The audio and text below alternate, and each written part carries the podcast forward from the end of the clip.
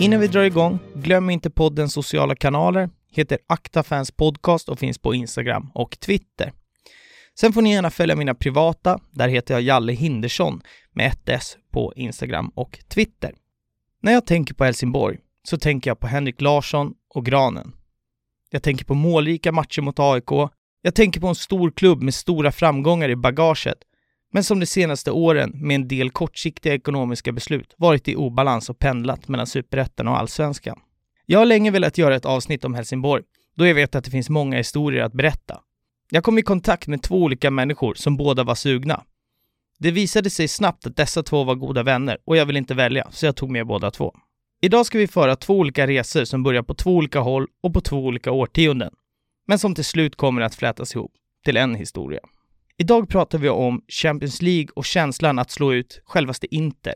Vi pratar 51%-regeln. Vi pratar om en bortaresa till Sarajevo, där man först blir rånad, men eftersom HIF förlorar så ger deras ultras tillbaka jackan. Vi pratar om grupperingen Helsingborg Hardcore, en hel del tifo-verksamhet och mycket, mycket mer. Så med det sagt, välkomna till Äkta Fans Podcast, Patrik Svensson och David Lindell. Tusen tack Jalle, David Lindell här. Att man får vara med och tugga om Helsingborgs IF, tillika Skånes stolthet, eh, med dig och Patrik. Jag tackar också för att jag får vara med. Det ska bli väldigt roligt. Jag är också väldigt glad att, att jag fick med er båda, för att det intressanta här är att vi, vi har faktiskt samma historia egentligen. Vi ska prata samma lag, men vi får med egentligen bredden och vidden eh, runt Helsingborg, vilket ska bli eh, väldigt kul sådär.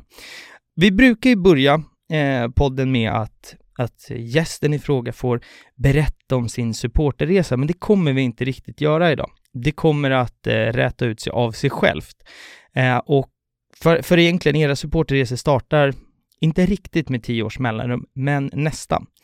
Men dagens avsnitt kommer starta för 28 år sedan. Vi är på 1993. Det vankas derby. Det är 28 000 biljetter sålda.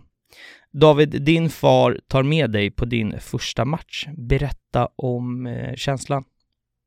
Det stämmer bra. Farsan är född och uppvuxen i Ängelholm och eh, i Ängelholm och hela nordvästra Skåne så var det Skånes stolthet som gällde och eh, det smittade av sig på mig. Så 93 så tog han med mig på Skånederbyt med sina vänner nere i Malmö. Eh, och, 90, eh, och 28 000 93, det är väldigt, väldigt mycket. Och Verkligen. de säkerligen 10 000 hif om inte mer, på plats. Och eh, där och då blev jag frälst. Dels i själva anfallsparet Henrik Henke Larsson och eh, Mats Magnusson som eh, sedermera satte skräck i försvararna i svensk fotboll. Mm. Och eh, vi alla vet ju hur eh, resan har gått för en viss eh, Larsson därefter. Eh, han blev ju väldigt, väldigt stor ute i Europa, men Mm. även i svensk fotboll. Så farsan, han tog med mig och eh, under hela 90-talet så var vi på eh, de flesta hemmamatcher men även en del bortamatcher. Mm. Eh, och jag växte upp med farsan på eh, västra sittplats till en början eftersom Mm. jag var sex år bara. Men efter ett tag så flyttade vi över på eh, långsidan. Östra ståplats hette den på den tiden. Mm. Eh, Jag tänker att vi, vi går lite händelserna i, i förväg. Vi kommer komma dit. Det jag vill bara landa i först och främst 1993, det är 28 000, precis som du säger det, det är otroligt mycket människor för den här tiden. Jag vill bara ta fasta på den, den känslan när du kommer in där och bara få din upplevelse. Du ser två klackar som sjunger mot varandra, förutom att vi har fantastiskt, eh, det anfallsparet. Det är eventuellt än idag är det kanske det bästa anfallsparet som har funnits i, i svensk fotboll.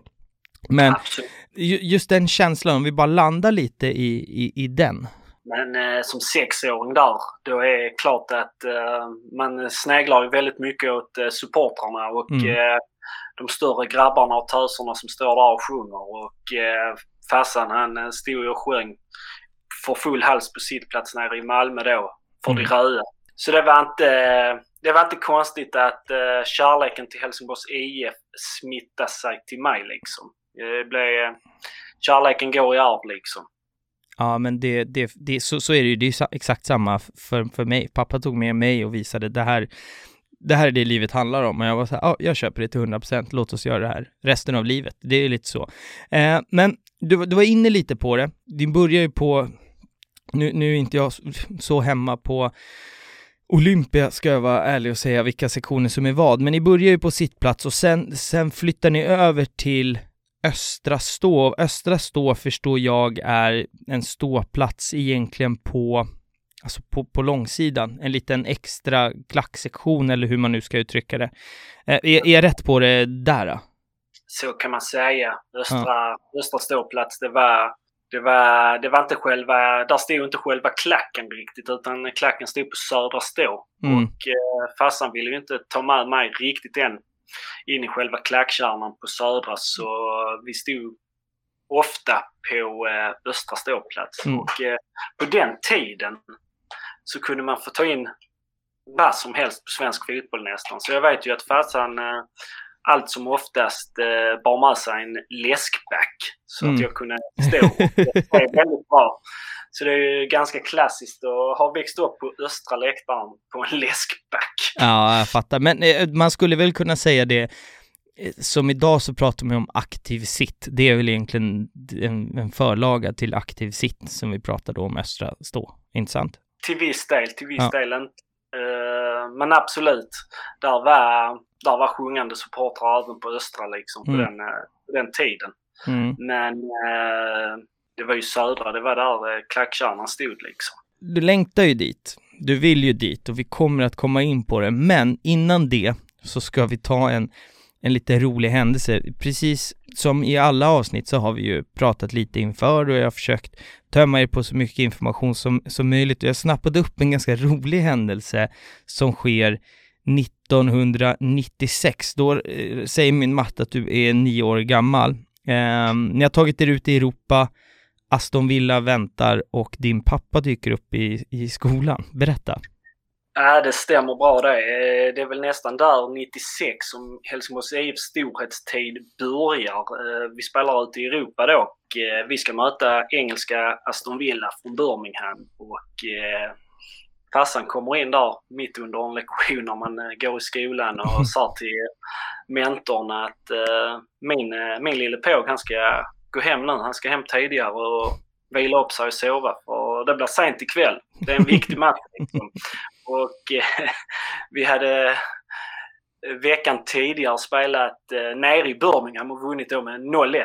Ja. Eh, och eh, vi spelar 0-0 hemma och tar oss vidare. Mm. Så det var ett väldigt, väldigt stort minne för mig. Mm. Eh, att vi slog ut ett hyfsat namnkunnigt Aston Villa på den tiden. Man hoppar egentligen 98. Du har stått på Östra. Du har längtat att få äntra Södra. Eh, som jag har förstått så är det ju liksom så här, du, du står där och tittar, dit vill jag. Och sen känner väl, jag bara antar det här att farsan känner att nu är du tillräckligt stor så ni flyttar över till eh, Södra Stå. Hur var den att äntligen få kliva in där? Ja, det var helt underbart att få ställa sig där på Södra Stå. Eh, Fassan eh, stod kvar på, eller han satt kvar på Östra för det blev sittplats. Mm. Så han satt kvar på Östra läktaren och så fick jag knalla bort till Södra och stå med de stora grabbarna liksom och växa där på läktaren och, och se hur utvecklingen eh, har skett på Olympia. För skett en väldigt stor utveckling på läktarstödet. Mm. Eh, det 98, då var det kanske 70-talet sjungande. Mm. Eh, så det har hänt enormt mycket. Mm. Och det, det, man ska säga här också, alltså i hela av, avsnittet, så det finns ju en del som är äldre, det finns också en del som är yngre och jag brukar försöka i alla fall för de yngre lyssnarna att förklara liksom när man inte kan sin historia, men precis som du var inne och nämnde på, slutet på 90-talet, början på 00 så är Helsingborg en, eh, alltså det är verkligen en historisk period, de är hur bra som helst. 98, då har du ju liksom flyttat över till södra och Helsingborg går ju som tåget och ni ska ju bara vinna det här guldet. Men eh, lyckas eh, eh magiskt snubbla på, på något vänster och eh, eh, kul för mig då. Jag hade inte börjat gå än, men AIK vinner ju eh, de lyckas ju faktiskt grisa till sig guldet 98. Eh, gör 25 mål på 26 matcher, är väl historiskt på något sätt sådär. Men 99, då snubblar ni inte. Det är en guldmatch på Gamla Ullevi mot Örgryte. Du och får åka med din eh, farsa eh, dit. Berätta om, eh, om den dagen, om den matchen och känslan att få fira med din pappa. Det stämmer. Vi åker upp där 99 till Gamla Ullevi och möter eh, IFK Göteborg. Eh, Jaha, det var inte, jag trodde det var Örgryte, sorry. Nej, det är IFK Göteborg vi möter där uppe. Det är en väldigt stor händelse i mitt fotbollsliv liksom. Att eh, farsan eh, tar med mig upp till Göteborg med, ja vi var över 10 000 HIF på plats där som eh, sjöng fram eh, guldet till Skånes, eh, till Skånes giganter igen. Eh, Mm. Vi hade väntat i 58 år på det här guldet. Och eh, vi alla vet ju hur eh, det gick året eh, tidigare. Vi missade ju som sagt, som du är inne på, guldet där. Vi skulle bara åka upp och hämta hem det mot Häcken. Men eh, av någon konstig anledning så blir det en kollaps. Och eh, vad jag vet så gjorde ju eh, spelarna och tränarna läxan att lämna staden någon dag innan vi skulle åka upp till Göteborg och ta in på hotell i Köpenhamn och verkligen ladda upp och eh, komma bort från media och liksom sånt här. Och Mm. när det väl- var dags så satte de sig på båten och bussen och rullade upp till Göteborg och eh, visst, vi vinner på ett eh, offside-mål där uppe, Ahl Stavrum, men eh, under, under hela säsongen 99 så är vi verkligen värda det här guldet liksom. Och jag skäms inte att vi avgör eh, på ett offside-mål. Det är inget jag eh, ber om ursäkt för. Men själva upplevelsen att stå där uppe med sin far bredvid sig sjungande och fira. Det är, eh, det är det största jag har varit med om på en fotbollsläktare. Mm. Det ska mycket till för att eh, något annat ska kännas lika bra igen. Jag, jag önskar att, eh, jag, jag vet att det är många som sitter och lyssnar på, på den här podden som lyssnar på liksom stora lag där man kan ta på ett, på ett guld, att få uppleva en sån sak. Sen finns det också folk som lyssnar på den här där, där ett guld är väldigt långt borta. Men jag önskar verkligen att alla får uppleva den här euforiska känslan när man, när man vinner, när man verkligen lyckas med någonting. Det är, eh, jag som inte har något barn till exempel, jag, det finns ingenting i mitt liv som går ens i närheten av när AIK har vunnit guld till exempel. Det går inte att jämföra med. Det är en sån otrolig känsla. Nej, det är enormt, det är enormt att bli svensk mästare liksom. Eh, Det är Faktiskt. det. Eh, Och firandet efter, det är, det är enormt. Det är, det är bra fest i Helsingborg kan jag tänka mig här. nu var ju du så ung så det var ju inte på stan kanske att festa på det sättet men Eh, Jag var på stan, men ja, jag, på den tiden så festade jag med en eh, pizza och en läsk och farsan drack bilen liksom. Och Jajamän. sen gick vi upp där till terrasstrapporna och eh, hyllade lirarna när de väl kom tillbaka till staden. Och som jag var inne på här, vi hade väntat i 58 år på Mm. att bärga den här titeln. Så det var enormt. Det här måste väl betyda, om jag bara får gissa här nu, om din, om din eh, far där är uppväxt med Helsingborg och har gått, så var ju det här också första gången han fick uppleva ett guld. Om jag bara räknar åldersmässigt och att han fick uppleva det med, eh, med sin son som delade intressen måste ju varit hur stort som helst för honom också kan jag tänka mig. Det var jättestort för honom. Absolut. Det var enormt. Jag, eh, nu när vi sitter och diskuterar, jag kan nästan se farsans eh, ansikte när, när vi trycker dit 0-1 där när Mm. Ahlstad gör det här förlösande målet. Det var den glädjen farsan hade i ögonen. Den eh, smittade av sig på mig och det är något jag alltid kommer bära med mig i mitt eh, liv. Det som händer när man vinner guld, det vet ju alla vi som, eh, som lyssnar. Då vankas det ju kval till Champions League. Och eh, HIF hamnar mot självaste Inter från Italien. Här någonstans så, så landar vi i att eh, vi ska ju faktiskt försöka fläta ihop era historier. Om man har glömt bort det i podden, nu har vi bara pratat med dig eh, David, och här kommer ju du in för första gången Patrik och HF vinner hemma med 1-0 och ska ner till San Siro och spela. Och Ja. det är väl kanske, det, är väl, ja, jag vet, kan inte komma på så jättemånga fler svå, svårare bortamatcher än inte på San Siro. Och här någonstans så väljer du att titta på, på HIF, då på TV, men för första gången. Berätta om, alltså, var, vem tog dig in och började kolla på, på HIF och varför och, och så vidare? Jag är född och uppvuxen i Helsingborg men har egentligen ingen annan eh, koppling till HIF än så fram till detta. Jag hade börjat intressera mig för fotboll på TV och kollat en del Champions League innan. Och sen slår jag på TVn och helt plötsligt är det ett lag från min hemstad som ska möta Inter. Mm. Eh, då är jag 12 år gammal och det är ju hur häftigt som helst att ett lag från min hemstad är med i det här sammanhanget. Och det är självklart att jag börjar hålla på HIF redan där. Ja, den här matchen betyder så väldigt mycket för att jag tyckte HIF-spelarna kämpade så väldigt hårt. Det hela slutar ju med att Inter får en straff i slutet när det fortfarande står 0-0. Vi får verkligen hoppas här nu att eh, han tog tre stycken i Svenska cupen-finalen här om året. Att han väljer ett hörn, en vänsterfot, så den bör gå i hans eh, vänstra hörna. Vi ska se om Sven kan läsa det. Rekoba mot Sven Andersson! Ja! Andersson räddar! Sven tar det! Sven Andersson tar straffen! Ja, helt fantastiskt. Det är eh, Rekoba slår straffen mot Sven Anderssons högra stolpe. Sven Andersson är där med armen och räddar! Och det är alldeles makalöst vad Helsingborg håller på att ställa till med. Man håller på att slå ut självaste Inter och ta sig till Champions League. Mycket roligt för Sven det här. Vilken revansch han har fått här på de här matcherna. Och Rade Pritcha bara rensar undan bollen och ordinarie matchtid ska vara slut. Oj, oj, oj, oj, oj. Vi står inför en praktsensation. Och efter det så är jag fast. Då är jag HIF-are livet ut. Och här är det ju bara så nu ska ju de bara göra det här målet som hela världen har gått och väntat på. För Helsingborg ska ju inte kunna slå ut Inter. Nu ska de bara göra den här straffen och sen stänga det på övertid och sen ruska av sig det här. Men eh, det är en ruggig räddning också. Alltså straffen är inte kanske den bästa, men den är hård och det är en ruskigt fin, eh, fin räddning. Ja, jag får tårar i ögonen än idag när jag ser detta. Det är hur häftigt som helst. Jag var så jävla glad när han tog den.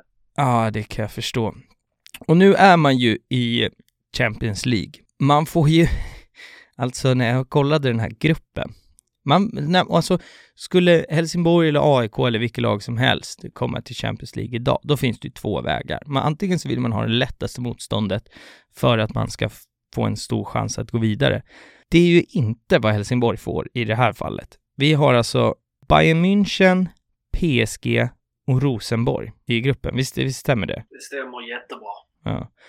Och Helsingborg lyckas ju med någonting här som ingen, i, alltså i bettingbolaget eller ingen i hela världen trodde det här, men de lyckas ju ta poäng mot alla tre lag. Berätta eh, om det här gruppspelet. Det stämmer. Vi lyckades ta poäng eh, mot samtliga lag i eh, den här gruppen. Och som du är inne på, Jalle, det var inte några små klubbar vi ställdes mot. Vi ställdes mot eh, Bayern München. Vi ställdes mot PSG och Rosenborg på den tiden var ett utav Nordens absolut bästa klubblag. De det var, var väl det bästa?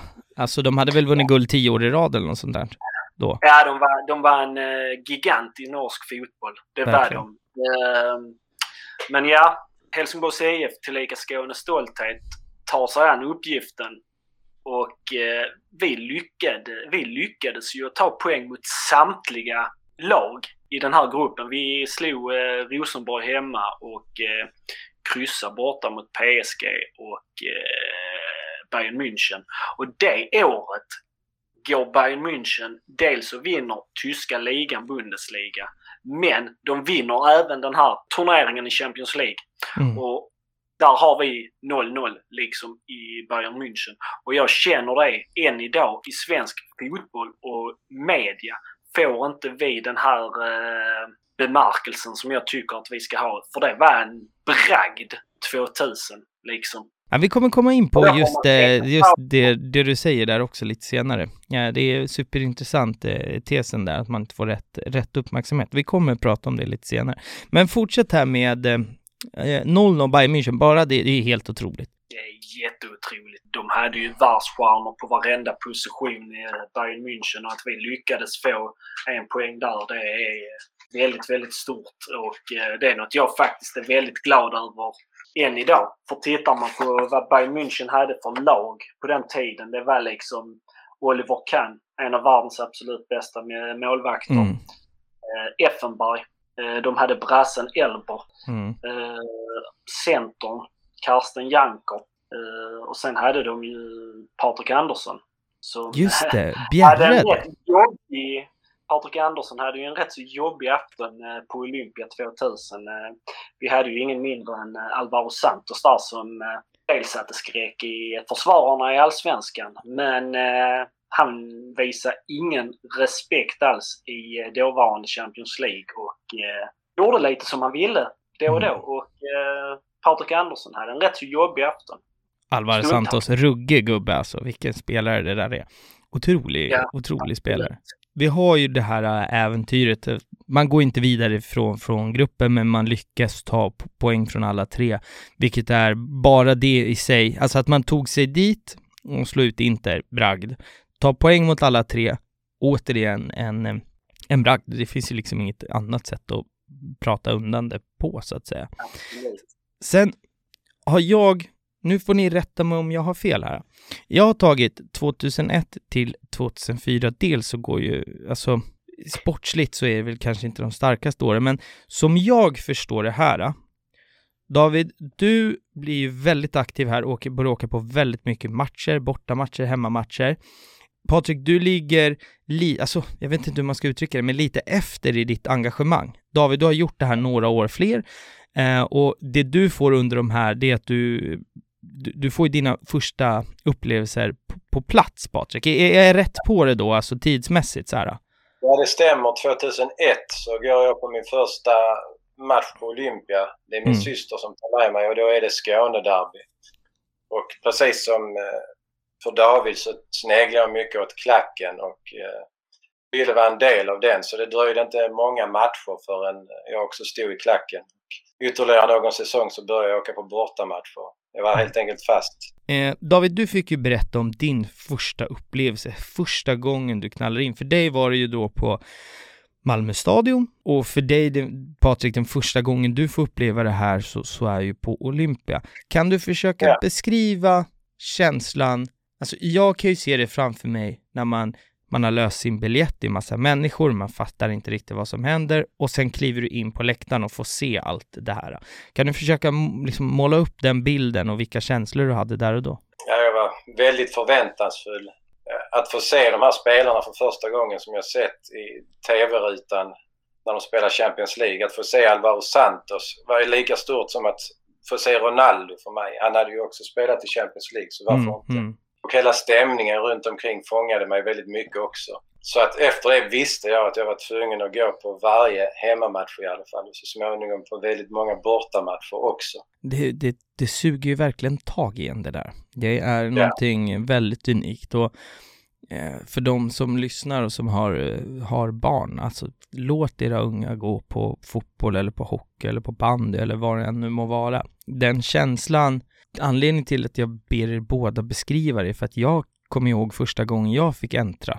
Alltså den känslan är så unik och det är en sån unik miljö och sen en så otroligt häftig miljö och att det bygger relation med den som man går dit med.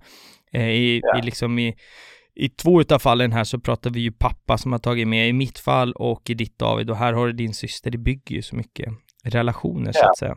Verkligen. Sen händer ju någonting. Här blir ju någonstans fas två och det är ju någonstans här som, som vi på riktigt ska fläta ihop era historier. Vi startade 93, mycket har hänt på vägen, men sen landar vi i 2005.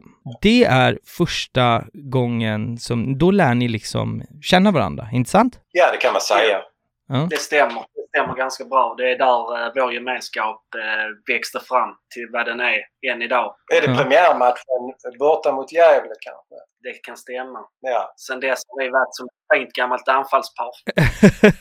Härligt. Men jag tänker så här, bara för, för kul här nu så ska jag eh, ställa er, eh, inte mot väggen kanske, men jag ska ställa en liten kul fråga som ni får svara på individuellt. Patrik, vad var ja. ditt första om du är helt ärlig nu, vad var ditt första intryck av David? Att han var en lika inbiten HIF som jag och därför skulle han bli min vän. har förblivit det sedan dess.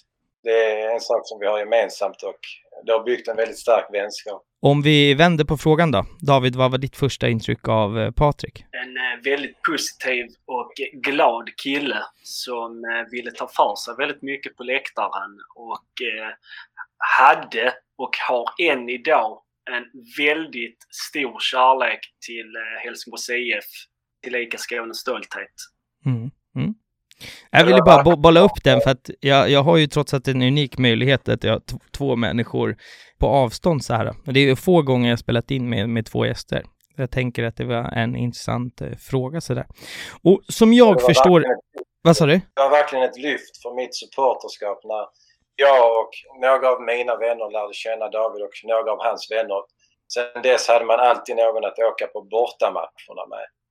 Jag hade ju mm. till exempel skolkat från gymnasiet redan 2004 och åkt till Örebro borta men själv med supporterklubbens bus. Jag kände ingen annan som skulle med och då var det inte lika roligt men efter att jag lärde känna David och våra gemensamma vänner lärde känna varandra så var varje bortamatch som en julafton. Det var så jävla roligt. Ju längre desto roligare.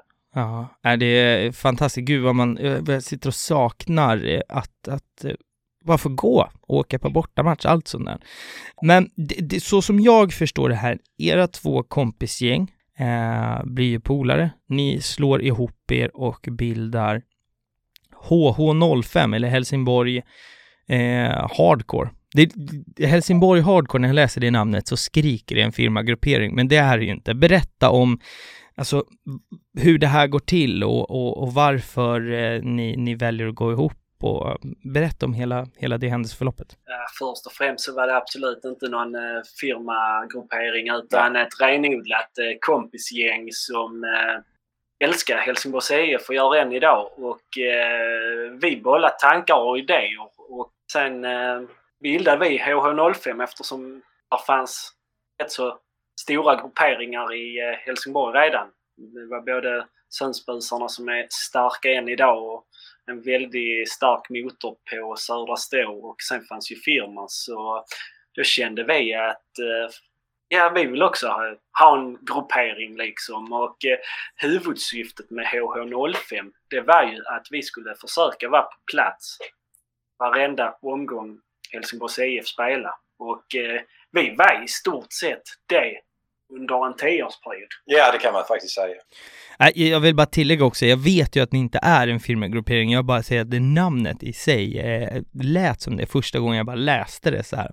Men, och, och det, det, är väl så som jag har, jag också får ihop det, precis som ni beskriver det, att eh, ni vill vara väldigt aktiva, ni vill gå väldigt mycket och nu så ger ni er själva egentligen möjligheten att man kan man kan dyka upp på en match eller man kan bara planera att eh, nästa måndag spelar vi borta mot Örebro. Det finns alltid någon att åka med. Typ. Det är så ja. som jag fattar det egentligen. Vi hade en väldigt fin sammanhållning och har än idag, men liksom det kunde ju vara innan en hemmamatch på sommaren till exempel så kickade man lite boll och drack någon öl liksom och sen eh, traskade vi upp till Olympia och sjöng eh, fram de röda giganterna till tre poäng. Från det att ni har startat det här kompisgänget så om man tänker så här vad bidrar ni med på, på läktaren? Ni, det ska tilläggas, vi kommer komma in på det. Ni, ni håller ihop, ni intresserar er för lite olika grejer, vilket vi kommer komma in på lite senare, men om man tar Helsingborg Hardcore, vad, alltså, vad gör ni de facto på, på, på läktarna? Fungerar ni, är ni liksom en motor? Är ni, leder ni klacken eller för, förstår ni frågan? Vi ville vara en motor även på hemmamatcherna och stod då på Södra ståplats. Eh, men framförallt handlade det om att vara på plats på alla bortamatcher. Och vara en motor i stödet där. Och det lyckades vi väldigt bra med. Det är många i den här gruppen som har haft en sån här perfekt säsong. Varit på alla hemma och bortamatcher. Mm. Mm, det kommer vi också landa i, eh, i snart här, för jag, för jag vet att du Patrik har, har gjort en sån, vilket vi alldeles strax faktiskt eh, ska landa i. Men finns grupperingen kvar idag? Nej, det har väl lite grann runnit ut i sanden kan man säga. Vi tog lite olika vägar för att jag blev mer intresserad av tifo-verksamheten och ja. med i andra grupper också. Mm. Men... Eh, Nej, den finns inte kvar så sett utan eh, vi lever på minnena och eh, vi hade en otroligt rolig tid under ja. vår eh, tid tillsammans med HH05 liksom. Sen Ja. har ju en del andra som har varit med i HH, de är ju med i lite större grupperingar idag och tar rätt så stor plats där och Mm. eh, tar väldigt stor plats på södra ståplats än idag liksom. Mm. Så många, jag ska säga, Mm. Kör. många av dem som var med i HH finns kvar på Olympia och även åker på bortamatcher men eh, åker kanske med lite olika grupperingar och eh, lite andra människor. Mm. Så kan man säga. Mm, ja, jag fattar. Och precis som du nämner, 2006 så gör du, eh, Patrik, en eh, perfect season. Berätta, Ja. du går ju i gymnasiet här ska tilläggas. Alltså att göra en Ja. perfect season är, är, det, är det många som, alltså många är nog att ta i, men det finns, det finns liksom flertalet som har lyckats med det och flertalet som vi har pratat om med här i podden. Men att göra det när man går i gymnasiet är ju anmärkningsvärt. om vi bara så här, berätta om den och sen vill jag också höra hur mycket blev du tvungen att skolka? Ja, det var nog en hel del faktiskt. Vardagsmatcher långt bort så måste man ju skolka men lyckligtvis gick jag fortfarande på gymnasiet och kunde göra så. Jag vet att jag satt på stadsbussen inför en bortamatch till Gävle. Jag skulle ta stadsbussen till Olympia för att sen sätta mig på supporterbussen och då kom jag på att jag måste sjukanmäla mig så det gjorde jag. Och sen vet jag att någon gång så hade jag ett nationellt prov som jag missat till följd av en bortamatch och jag lyckades övertyga min mentor att få göra om det. Så det var lite sådana grejer. Mm. Sen har vi den ekonomiska biten Ja. också. Och det, Ja. det här möjliggjordes tack vare supporterklubben Kärnas billiga bortaresor. Eh, Det hade inte varit möjligt utan det. Och det hade heller inte varit möjligt utan eh, morsans hjälp. Hon brukade baka pizzabullar till de långa bortamatcherna så att man hade något att äta och slapp lägga onödiga pengar på McDonalds. Inför så där när, när vi har pratat lite så, båda ni har ju nämnt kärnan flera gånger. Jag har ganska, alltså, det säger inte mig någonting. Eh, berätta, vad är, vad är det? Det, det är den officiella supporterklubben som startade 1998 Mm. och namnet är väl en, har väl inspirerats dels av ett uttryck för klackkärnan, att det var de drivande i klacken, men också av eh, Kärnan, en historisk byggnad mitt i Helsingborg. Är jag rätt på det då David? Det stämmer, det stämmer bra. Mm. Och eh, Kärnan bildades ju 98 efter just eh, missen där uppe på Ullevi mot Häcken. Då var det ett eh, gäng 70-talister som eh, startade upp Kärnan. Och, eh, det hette på den tiden Kärnan Fans. Just det. Just nu så är det enbart Kärnan. Okej, okej. Och det är Ja. ju den officiella supporterklubben och eh, till alla HIFar som lyssnar på det här avsnittet så kan jag bara upp- uppmuntra alla att bli medlemmar i Kärnan Mm. inför eh, 2021. Nu Väldigt om viktigt. någonsin så, så behöver ju klubbarna och supportergrupperingarna eh, folkets stöd. Dels behöver klubbarna det i form av ekonomiskt med pandemi och supporterklubbarna behöver det för att kunna vara en stark röst mot eh, den myndighet i detta land som försöker förstöra det vi faktiskt sitter och pratar om nu helt enkelt. Ja, det är väldigt sorgligt. Mm.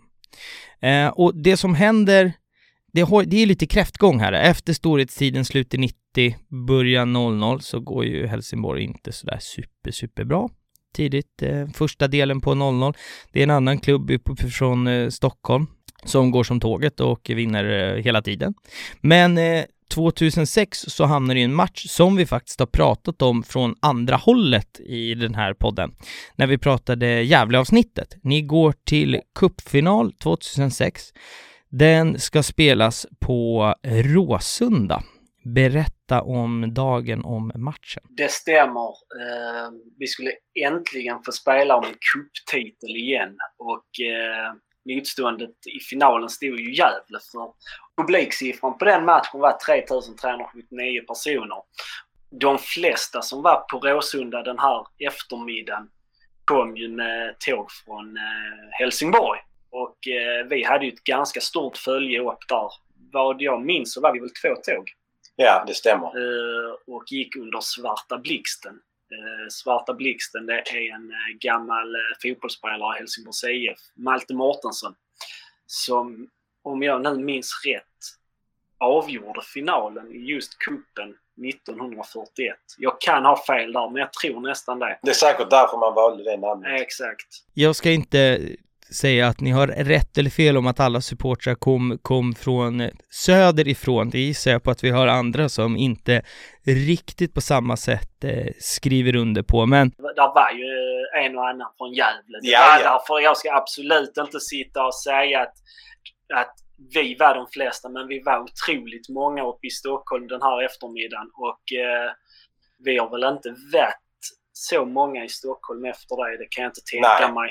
Det var några hundra från Gävle där också. Så Gävle ska absolut ha respekt, absolut. Jag ger Gävle det. Mm. Nej men, och hur, hur var känslan att få, för ni vinner ju den här matchen. Eh, hur var känslan att få fira en titel? För, för det, det som ska tilläggas i, i, om man pratar ålder här, eh, även när, när det här händer eh, 99, vi pratar 00, det som ni har emot det där är att båda ni två är ganska unga här. eh. Nu får ni ju, om, om min matematik stämmer, så är ni födda 87, 88, kan det stämma? Det stämmer. Ja. Det stämmer. Ja då. Eh, och nu har ni ju liksom fått, nu har ni ju åldern inne om man får säga så, när ni får vinna en titel. Alltså så att Ja. man kan få fira lagligt med en öl i handen efter. Eh, och hur, hur var känslan liksom, är det någon skillnad att få fira en titel när man är lite äldre, man har gått ett gäng, alltså fler år och man är mer inne i det? Förstår ni vad jag menar? Ni har ju startat HH då, ni är på alla matcher och, och får fira en titel då. Vad betyder det för ert supporterskap? Absolut, så var det ju ett annat firande för mig om man jämför med 99 när man firar med farsan med en läsk och en pizza. Nu hade Mm. vi 60 mil hem med tåg.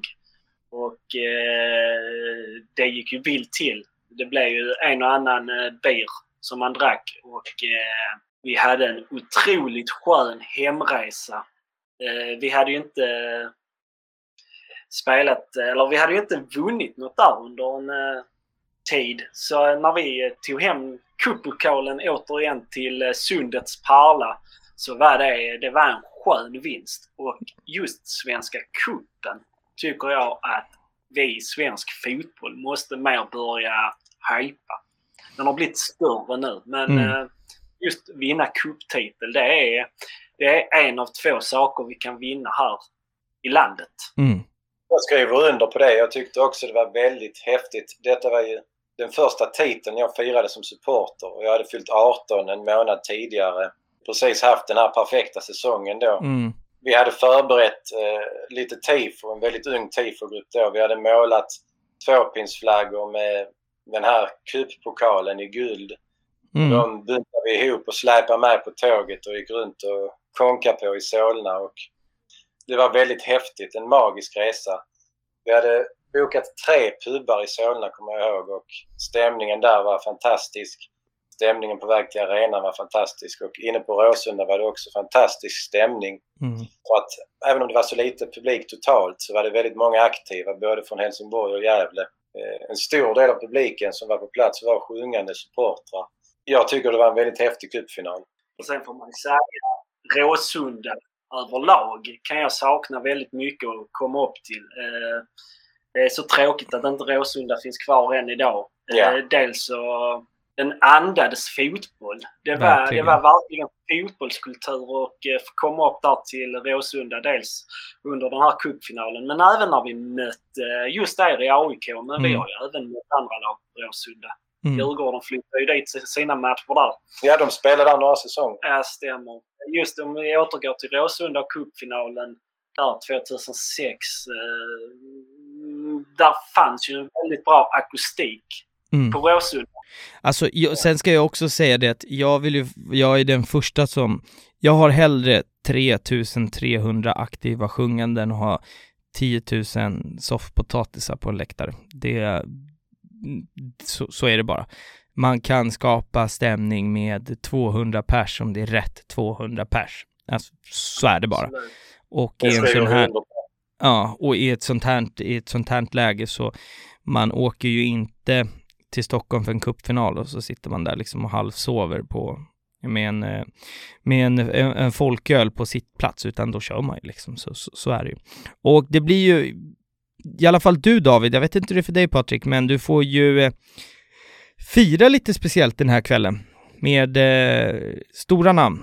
Granen har jag och vi har även den eh, numera dessvärre tragiskt nog eh, bortgångne Luton Shelton här. Berätta om, eh, om kvällen. Du blir inbjuden till ett hotell. Jag fattar inte riktigt vad, vad det var som pågick där, men berätta. Ja, det stämmer. Först och främst så tog vi emot spelarna på knutpunkten och firade ganska rejält där med dem. Och eh, därefter så eh, gick ju spelarna och eh, deras respektive till eh, ett hotell närliggande knutpunkten och eh, skulle fortsätta fira där. Ehm, och där bjöd de in mig och ett par andra och eh, fick sitta och käka och festa med spelarna. Så eh, det är ju ett speciellt minne liksom. Och få lov att vara med där på den här blanketten. Ja, det förstår jag. Vi, vi... det, är, det, är ju ganska, det är ju ganska säkert. Mm. Nej. Behöver inte gå in på vilken spelare som var mest berusad, men där fanns de spelare som hade ganska hög promille den kvällen, precis som vi övriga. Jaha. Så ska det vara. Ja, men fan har man vunnit en titel är väl det rimligast någonsin, jag tänka också. Och sen passar vi även på där att, för det här är ju ganska färskt, vi kan ju ta det också. Eh, Luton, är det så man uttalar det förnamnet? Ja, Luton ja. Shelton. Ja. Han eh, gick ju, jag tror inte, det har varit svårt att missa, eh, men han gick ju tragiskt bort här eh, nyligen, så jag vill att vi också ska passa på och skicka lite, eh, en liten kärlek åt, åt det hållet. För jag vet att som jag har förstått så, så var det här en liten ja, publikfavorit hos många. Som det tog, det tog ganska hårt på, på många och det har varit mycket fina banderoller och sådär. Berätta om, om, om honom sådär. Vem var han för er? Ja, han var väldigt speciell spelare. Han var väldigt snabb och gjorde många mål. Och därför tyckte vi väldigt mycket om honom. Han spelar väl också tillsammans med Henrik Larsson en tid? Det stämmer bra ja. och eh, Henrik Larsson och Luton de, det, var, det var ett anfallspar som passade otroligt bra tillsammans. Eh, Henrik Larsson var ju den här, eh, la fram bollarna och eh, Luton sprang och eh, i regel så blev det väldigt farligt och eh, väldigt, väldigt ofta mål. Man kan ju bara gå tillbaka till om det är 2006, vi slår Malmö. När Luton Shelton gör två mål liksom. Mm. Så han är ju även en eh, spelare som har avgjort Skånederby och eh, spelare som avgör Skånederby, de är speciella och har alltid en fin plats i mitt hjärta. Så det är väldigt, väldigt tragiskt att Luton Shelton har gått bort. Eh, sista tiden har man suttit och kollat just de här målen mot Malmö när han eh, springer förbi en viss Olof Persson och det ser så retfullt och enkelt ut. Men eh, jag njuter. Ja, han gjorde många viktiga mål. Han gjorde väl mål i den här cupfinalen också? Han gjorde ett av två där har jag ja. för mig. Ja. Och sen mm. Eh, om inte jag minns fel om det var Babi Stefanidis. Jag, jag tänker att vi, vi skickar en, en, en tanke och kärlek dit och sen, sen leder det här faktiskt in oss ganska fint på, på nästa del som vi kommer in i i podden. Det leder in oss på eh, dagens första segment som är rätt eller snett och sen efter det så ska vi diskutera lite rivaliteter och sådär så att det, det leder oss in eh, på ett fint sätt sådär. Eh, men rätt eller snett, ni har koll på vad det är. Det är en, eh, en fördom eller ett påstående som jag har så får, är det upp till er att bedöma om jag är rätt eller snett på det helt enkelt. Så här låter eh, dagens. Som helsingborgare så tycker man att HIF som klubb är en av Sveriges tre största klubbar. Rätt eller snett? Jag tycker faktiskt du är väldigt rätt på det. Vi är en storklubb i svensk fotboll. Och, eh, ja, ja, ja, det är rätt. Vi är en storklubb i svensk fotboll. Hade vi inte varit eh, borta från allsvenskan i 24 långa år och 11 dagar så hade vi legat betydligt högre upp i maratontabellen än vad vi gör. Men mm. vi, jag tycker absolut att vi är en storklubb och detta grundar jag också lite på att vi dels slog ut Inter 2000 redan i den tredje kvalomgången och där vi sen plockar poäng mot samtliga lag. Så helt rätt att vi är en storklubb. Skriver ni under båda två på det? Jag tycker att det är snett därför att eh, jag kan ändå tycka att det finns större klubbar storleksmässigt i svensk fotboll men jag tror att som helsingborgare har man väldigt höga ambitioner det finns inom klubben, det finns i supporterleden. Det kan vara både bra och dåligt. Jag tror att det har lett oss till framgångar. Vi har nått väldigt högt utifrån våra förutsättningar många gånger. Men ibland kan det också bli bakslag där man satsar och så blir det fel. Så att det är definitivt något vi lever med, att vi vill hela tiden ligga på topp. Mm. Det, ja, det kämpar vi med. Om jag ska vara ärlig, om man, om man pratar en topp tre så skulle jag säga nej.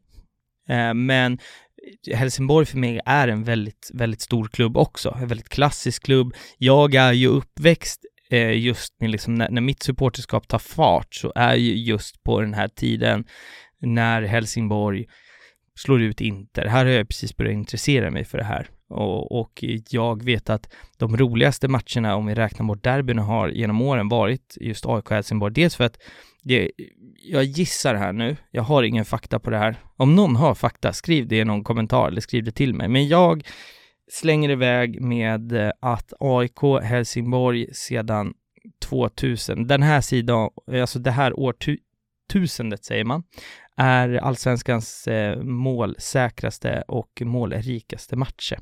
Det, jag bara kommer ihåg att varje gång AIK Helsingborg möts så är det alltid 3-2 eller 4-3 eller sådär. Eh, men jag tycker att det är en väldigt, väldigt stor klubb, men jag har lite svårt idag att placera hur stor. Supportermässigt, läktarmässigt stora, eh, historien stora, men de har ju halkat senaste tio åren. Ja, vi är på en plats där vi inte vill vara just nu. Mm. Det kommer krävas hård kamp för att komma upp i toppen igen, men jag tror att vi kommer lyckas för vi har den potentialen. Mm. Vi har ju eh, nyligen spelat i Superettan. Det är inte så länge sedan vi var där. Vi spelade ju där 2017, 2018 och vi är tillbaka i Superettan igen. Mm. Liksom, det är ju inte en rolig liga att lira i Superettan. Man vill ju spela i högsta, i finrummet liksom. Och man vill ju möta klubbar som liksom, eh, ja, AIK, Göteborg. Det är de här anrika klubbarna man vill. Mm tävla mot. Vi vill ju inte tävla mot de här lite mindre klubbarna i Superettan, men jag ska ge de klubbarna i Superettan även väldigt, väldigt stor respekt för att de supportrarna som stöttar sina lokala klubbar, de ska ha all cred som eh, Falkenberg och de här, de, de ska ha väldigt, väldigt mycket beröm att de går och stöttar sitt lokala lag. Håller med Men till tusen procent. Jättegärna jag vill ju stångas mot de bättre lagen i svensk fotboll och eh, där får jag nämna ditt AIK. Det är alltid roligt att komma upp till Stockholm och möta AIK eller man ska möta Hammarby och Djurgården borta. Mm. Det, är där, det är där jag vill vara liksom. Och det är väl eh, super, super rimligt skulle jag säga. Alla vill vi vara i toppen, men sen är det är väl så som, som klubbar att det, det går lite upp och ner. Och det har ju, så, alltså, nu, är inte jag, jag har inte hundra procent koll på eh, Helsingborg alltså deras ekonomi och så vidare. Men som jag har förstått handlar det väl om att man har tagit eh, Eh, kortsiktiga ekonomiska beslut? Ja, det börjar väl redan efter Champions League, tidigt 2000-tal. Då budgeterar man med att man skulle nå Champions League fler gånger och det förstår man ju mm. så här i historiens ljus att det var orimligt. Och det är något som sitter på, i Olympia på, i, innan eh, dömet där uppe att eh, det är, det är struligt med ekonomin. Jag förstår liksom inte det. När vi hade vår storhetstid där 2011 och vi tog fem titlar i rad och vi sålde spelare för över 100 miljoner och stå där vi är idag. Jag, jag har svårt att eh, begripa det men eh, det har gått snett och eh, vi kan bara göra om och göra rätt. Och om man tänker så här då, Rivalitet, jag tänker att vi ska hoppa in lite grann på det. Ni har en jättestark rivalitet mot, eh, mot MFF, det är ju ert eh, derby och så vidare. Sen, det, ja. det jag undrar lite grann över är också hur rivaliteten ser ut över vattnet. Ni har ju väldigt, väldigt nära till, till Danmark. Eh, och ja. alltså sådär, hur, hur, är den rivaliteten? Vi ska komma in lite på MFF, men om vi börjar på andra sidan vattnet, är, är det vänskapsrelationer eller är det konkurrenter supportermässigt och sådär? Hur funkar det? Vi har ju haft vänskapsband med FC Köpenhamns supportrar i många år, så man kan väl säga att relationen till Bröndby kanske inte var så bra under den här tiden i alla fall. Nej. Annars så tror jag inte att vi har något särskilt med några andra klubbar. En del folk har börjat hänga lite med vissa i Helsingör men eh, det finns ingen rivalitet mot någon speciell klubb i Danmark annars. Vi har inte mött dem särskilt mycket. Ja, okej. Okay. Och Det var väl en del i Royal League så spelade vi mot en del danska klubbar. Just det, Royal League ja. Jag funderar på om man bara ska göra ett helt avsnitt sen när man bara pratar Royal League faktiskt. alltså, ja, det, jag har funderat starkt på det. Men... Men alltså om man ja, går fortsätt. tillbaka till det här med relationen. Eh, eh, jag tror du är lite inne på det här. Vi har ju under slutet på 90-talet, om jag minns rätt, så blev det ju eh, en rätt så stark vänskap mellan våra kategori C-supportrar och eh, FCKs kategori C. De hade ju en rätt så bra samarbete där. Men mm. det är liksom inget jag vill gå in på eftersom inte jag har dels kunskapen om det. Men jag vet ju att många av de här äldre gardet i FL har mm. väldigt mm. fina vänskaper med just dem i FCK än idag och även åker väldigt mycket på deras Europaresor. Mm. Jo men det, det, det vet jag också, men det, det är en, en, annan diskussion som vi inte ska ta idag. Jag tänkte mer så här överlag eh, supportrar, vanliga kategori A och B-supportrar, det är de som jag tänker liksom. Men man... man, man... mycket sympatier för varandra mellan vanliga supportrar till FCK och HF också för det mm. har väl spritt sig. Jag har själv varit i Köpenhamn många gånger mm. och eh, brukade åka till Köpenhamn eh, ett par gånger om året ända fram tills Corona kom då. Mm, mm, mm. eh, och sen har vi ju, vi kan inte ta det här avsnittet utan att hoppa in lite på rivaliteten gentemot MFF. Jag har hört på dig David, du har varit eh, noga och du har påpekat det många gånger under, redan under det här avsnittet att det är Skånes stolthet, eh, pärlan, alltså att man, man har en väldigt stolthet i Helsingborg och eh, man ser sig själva som Skånes stolthet. Hur är när man som Helsingborg i det här fallet har halkat lite i seriesystemet och gått jäkligt tufft. Och sen har man MFF som motsatt har blivit en, en stormakt i, i, i svensk fotboll. Hur är den? Det gör ont i en. Eh, det gör riktigt ont i en att inte vi är och kan stångas mot Malmö. De, det är som du säger, de har ju blivit lite av en stormakt i svensk fotboll. Men eh, ja, det är den klubben man verkligen eh, avskyr. Mm. Det är det. Alltså, det har alltid varit så. Jag växte upp då med Fassan 93 och där och då fick man lära sig att det är den klubben vi absolut inte gillar. Det är Malmö FF. Så är det. Jag kan mm. säga att jag hatar derbyn faktiskt. Många kanske ser fram emot dem men jag är så jävla nervös inför de här matcherna. Dels för att vi har haft svårare att hävda oss sportsligt senare år som mitt engagemang i TIFO-gruppen. Det är alltid så mycket att göra inför de här matcherna och folk är så stirriga dagarna innan så att det blir inte mycket sömn inför de här matcherna. Ja men alltså har man ett Skånederby så sover man ju inte på natten eh, dagen innan. Alltså man, eh, man har ont i magen och man eh, ligger verkligen och ser eh, matchen framför sig och hur fan allting ska sluta. Mm. Eh, det bästa jag alltid vet är när eh, domaren sätter pipan i munnen efter ett derby och blåser av. Ja, när man vinner ett derby, det är sån jävla glädje alltså. Jag har själv suttit på Malmö Stadion 99-04. Vi spelade ut Malmö totalt alltså. Det är det största derbyminnet jag har. Tillsammans med Luton Shelton alltså, när han gjorde två baljor där, om det var 2006. Nej, det är ett eh, enormt hat mot Malmö. Det har det alltid varit. Alltså, jag är ju van, jag har gått på derbyn hela mitt liv, jag vet precis, alltså jag, jag känner verkligen med det man säger, den här hur dåligt man mår dagen innan, man är glad när matchen är över. Skillnaden för mig är ju att man är i samma stad. Här så är det ju två olika städer. Gör det någon skillnad eller bygger det på det extra? Vilken stad är bäst? Eller alltså förstår ni hur jag menar? Ja, det kan nog bygga på det extra därför att det blir en kamp mellan städerna också. Mm. Men samtidigt blir det ju lite lugnare därför att de flesta i Helsingborg håller på HIF och de flesta i Malmö håller på MFF. Eh, kanske är det annorlunda för dig David som är uppvuxen mitt emellan så att säga. Där ja. det är lite mer blandat. Jag är uppväxt i en by lite utanför Helsingborg. Men när jag växte upp så det var, en, det var en sån här hype kring Helsingborgs IF. Så många, många av mina kompisar blev ju HIF också. Ja. Men jag hade ju en barndomsvän. Jag spelade mycket fotboll som liten och han var ju tyvärr malmöit så det händer ju ibland att uh, vi mun, munhuggs lite än idag när det är bra sånt här. Men eh, om, jag ska vara, om jag ska hitta något positivt Ska jag hitta något positivt nu med att vi spelar i Superettan, det är att vi slipper de här eh, jobbiga 180 minuterna mot Malmö och allt vad det innebar på Ja. två matcher. Ja, Eh, det är inga roliga minuter. Det är svårt att plocka poäng där alltså. Jag tycker också det är skönt att vi liksom har varsin stad. Jag hade inte velat hålla på en klubb som delar stad med andra jämstora lag. Det måste vara rätt jobbigt.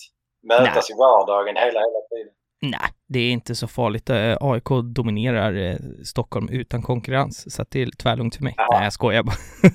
Nej då, jag har mycket djurgårdare här som eh, kommer skriva på Twitter. Så här, det- det, har väl sina fördelar och nackdelar, så, så ska man väl säga. Det, jag tror att det finns fina saker i båda två. Men du, Patrik, vi ska hoppa in på en liten annan grej här. Du gör Ja. en liten session i SFSU. Det har vi Ja. pratat om lite tidigare här i podden. I, nu ska vi se i två olika avsnitt, Gävle-avsnittet och eh, Älvsborg-avsnittet. Berätta lite Ja. om din eh, resa i SFSU. Ja, jag var ju på det här första eh, mötet i Kungens Kurva.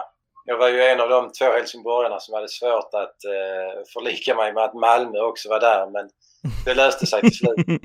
Mm. Vi insåg helt enkelt hur viktigt det var. Det var inte då som jag gick med i SVS styrelse, det var några år senare men det var väl mycket på grund av mitt engagemang i 51%-frågan. Mm. Där eh, hade jag flera år i rad motioner på HFs årsmöte inskickade om att HF skulle stå upp för 51%-regeln. Och eh, där mötte jag på mycket motstånd från klubben. Därför att jag tror att HF var en av de klubbar som i, kanske i hemlighet drev den här bolagiseringen. Mm. Det är ju så med 51%-regeln att den finns på riksidrottsnivå. Så första steget för att avveckla den det är att Riksidrottsförbundet tillåter enskilda idrottsförbund att bestämma. Så det var ju det som var frågan, att flytta ner bestämmandenivån på fotbollsnivå eller hockeynivå och så vidare. Och jag hade motioner inskickade på HFs årsmöten där jag ville att HF skulle vara emot detta. Mm.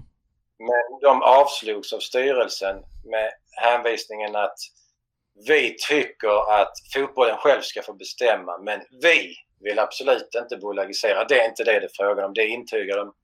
Men de var ändå väldigt måna om att fotbollen skulle få bestämma själv och för mig är detta ett steg i fel riktning. Och det här var Ja, det, låter som... ju, det låter ju som att då är man eh, sugna på att inte, alltså att, att bryta 51%-regeln, det är det man hör mellan raderna här, låter det som. Ja, jag tycker det. Och detta var någonting vi kämpade med flera årsmöten. Styrelsen avvisade min motion men jag krävde votering och de fick räkna röster och allting men förlorade flera år. Men till slut lyckades vi vinna eh, och styrelsen fick backa. Mm. Åtminstone blev styrelsen eh, neutraliserad i frågan. De fick inte lov att driva på att Eh, den här beslutanderätten skulle ligga på fotbollsnivå längre. Och jag tror att det var ett viktigt steg i den här kampen.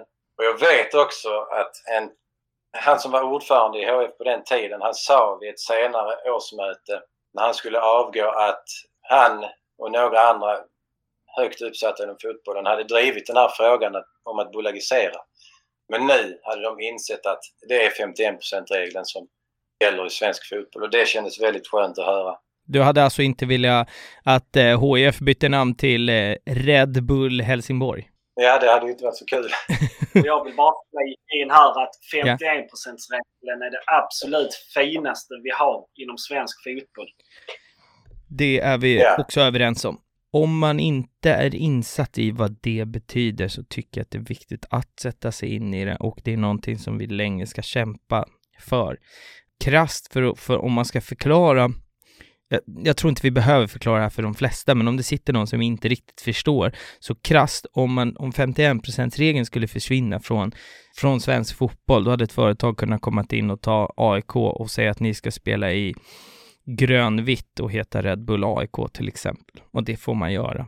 Eh, det har ju hänt i vissa klubbar runt om i, i världen där man kan byta plats på en klubb, man kan byta klubbmärke, man kan byta klubbfärger och helt byta identitet för att det är lättare att sälja det som en produkt och det, nej, det skulle förstöra hela eh, hela konceptet med svensk fotboll. Det skulle skjutsas in en väldans massa pengar, men det fina i, eh, i fotbollen i Sverige skulle helt klart försvinna. Ja, och det är väldigt viktigt folk i alla klubbar fortsätter att bli medlemmar i sina klubbar och gå på årsmöten.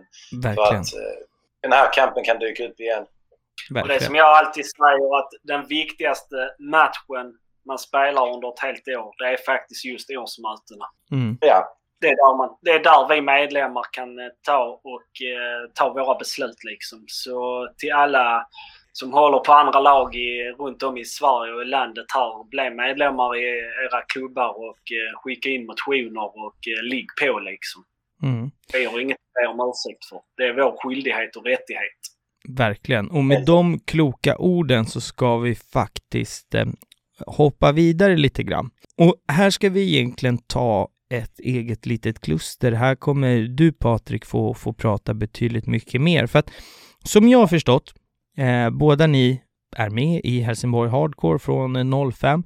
Ja. Men det som händer här är ju att vad ni de facto gör på läktarna går lite isär. Eh, Patrik, du blir väldigt involverad i och runt tifo-verksamheten. Och det här är, du, du ska själv få berätta här, men så som jag har fattat det så är du med, du är med egentligen första gången och på riktigt gör välkomsttifo till Henrik Larsson, då är du rookie, men du fastnar och det går väldigt fort och sen blir du en ledande person inom tifo-verksamheten. Är jag rätt på det då? Ja, det gick väldigt snabbt därför att de som hade hand om tifo-verksamheten då var jämnåriga med mig och mina närmsta vänner som sen då tog över. Och de hade också utvecklat tifo-verksamheten rätt så mycket jämfört med vad den var innan de tog vid. Men de var trötta på det så att efter eh, den här säsongen så sker liksom ett maktskifte så att i slutet av 2006 så är jag ansvarig för tifo-verksamheten och blir det ända fram till 2015. Och det Mm. första tifot är mycket riktigt välkomsttifot till Henrik Larsson. Och detta var någonting som var väldigt stort, att Henrik Larsson skulle komma tillbaka till Helsingborg. Det var verkligen på alla läppar och det var viktigt att det här tifot skulle bli bra. Då hade vi ett tifo över hela den östra långsidan som blev väldigt bra. Mm. Och jag stod mitt i det och när jag liksom såg hur lyckat allting blev så var det en sån kick. Och den kicken har jag fått flera gånger efter det när ett tifo blir lyckat. Det är ungefär som att HIF skulle vinna en väldigt viktig match. Mm. Därför att man har jobbat i veckor och allt detta slitet kanaliseras liksom till ett enda stort glädjerus när alla bitar faller på plats. Även om det är en kort tid av perfektion så är det värt varenda timme. Jag har faktiskt aldrig varit så involverad. Jag har varit med och skapat några tifon, men det är en del utav supporterskapet som jag, jag inte har varit liksom involverad i. Och när jag faktiskt har gjort den här podden så har jag insett att jag pratade, när vi pratade Göteborgs avsnittet där så pratade vi så här, men alla kan hjälpa till med någonting. Och jag tänkte ju alltid att jag var så jävla dålig konstnärligt, men jag inser ju idag att så här, det var inte det som behövdes. Det behövdes timmar och folk som var där och det hade jag kunnat eh, bidragit med sådär. Men jag tänker att det vi ska baka igenom här är några tifon som du, du ska snabbt få berätta om dem och sen tänker jag att eh, lyssnarna här är, får gå in på Instagram och Twitter och sen ser vi till så att vi får upp de tifona så vi får eh, bilder på det. Men jag har eh, några tifon här. Först har vi ett 2007 och 100-årsjubileum. Berätta om det tifot. Ja, då är det hemmaderby och eh, vi ska ha ett 100-årstifo så vi har en overheadflagga över hela den södra läktaren med årtalen i stort 1907 och 2007. Skånes stolthet sedan 1907. Det var den största målningen jag varit med och gjort eh, där och då. När det blev lyckat så var vi väldigt stolta över det. Vi var en ung och nyligen sammansatt tifogrupp och vi hade mycket att leva upp till direkt för att det här var ju HFs 100-årssäsong. Mm. Och eh, Malmös tifogrupp hade många fler år på nacken så vi fick ju mätas med dem direkt. Men jag tycker att vi gjorde det väldigt bra det året. Det finns fler tifon med 100-årstema. eh, Ja, som du har ett att berätta. 2009 där också. Där har du faktiskt själv sagt, jag har inte så Ja. mycket text på det här, men du har själv sagt det här är mitt favorittifo. Så det kan man Ja. definitivt inte missa. 2009 eh, i hemmamatch mot Kalmar, det är näst sista hemmamatchen, så gör vi en målning också över hela den södra läktaren men även över sektion 37. Sektion 37 pryds av ett stort HF-emblem och den södra läktaren pryds av en OH-flagga med flera rader från ett citat som beskriver klubbens grundande 1907. Det är alltså ett citat från en av grundarna. Och vid sidan av detta i slutet av OH-flaggan finns även porträtt på de bägge grundarna. Mm. Och när vi gjorde det här tifot så skissade vi ut mallar till alla bokstäver först.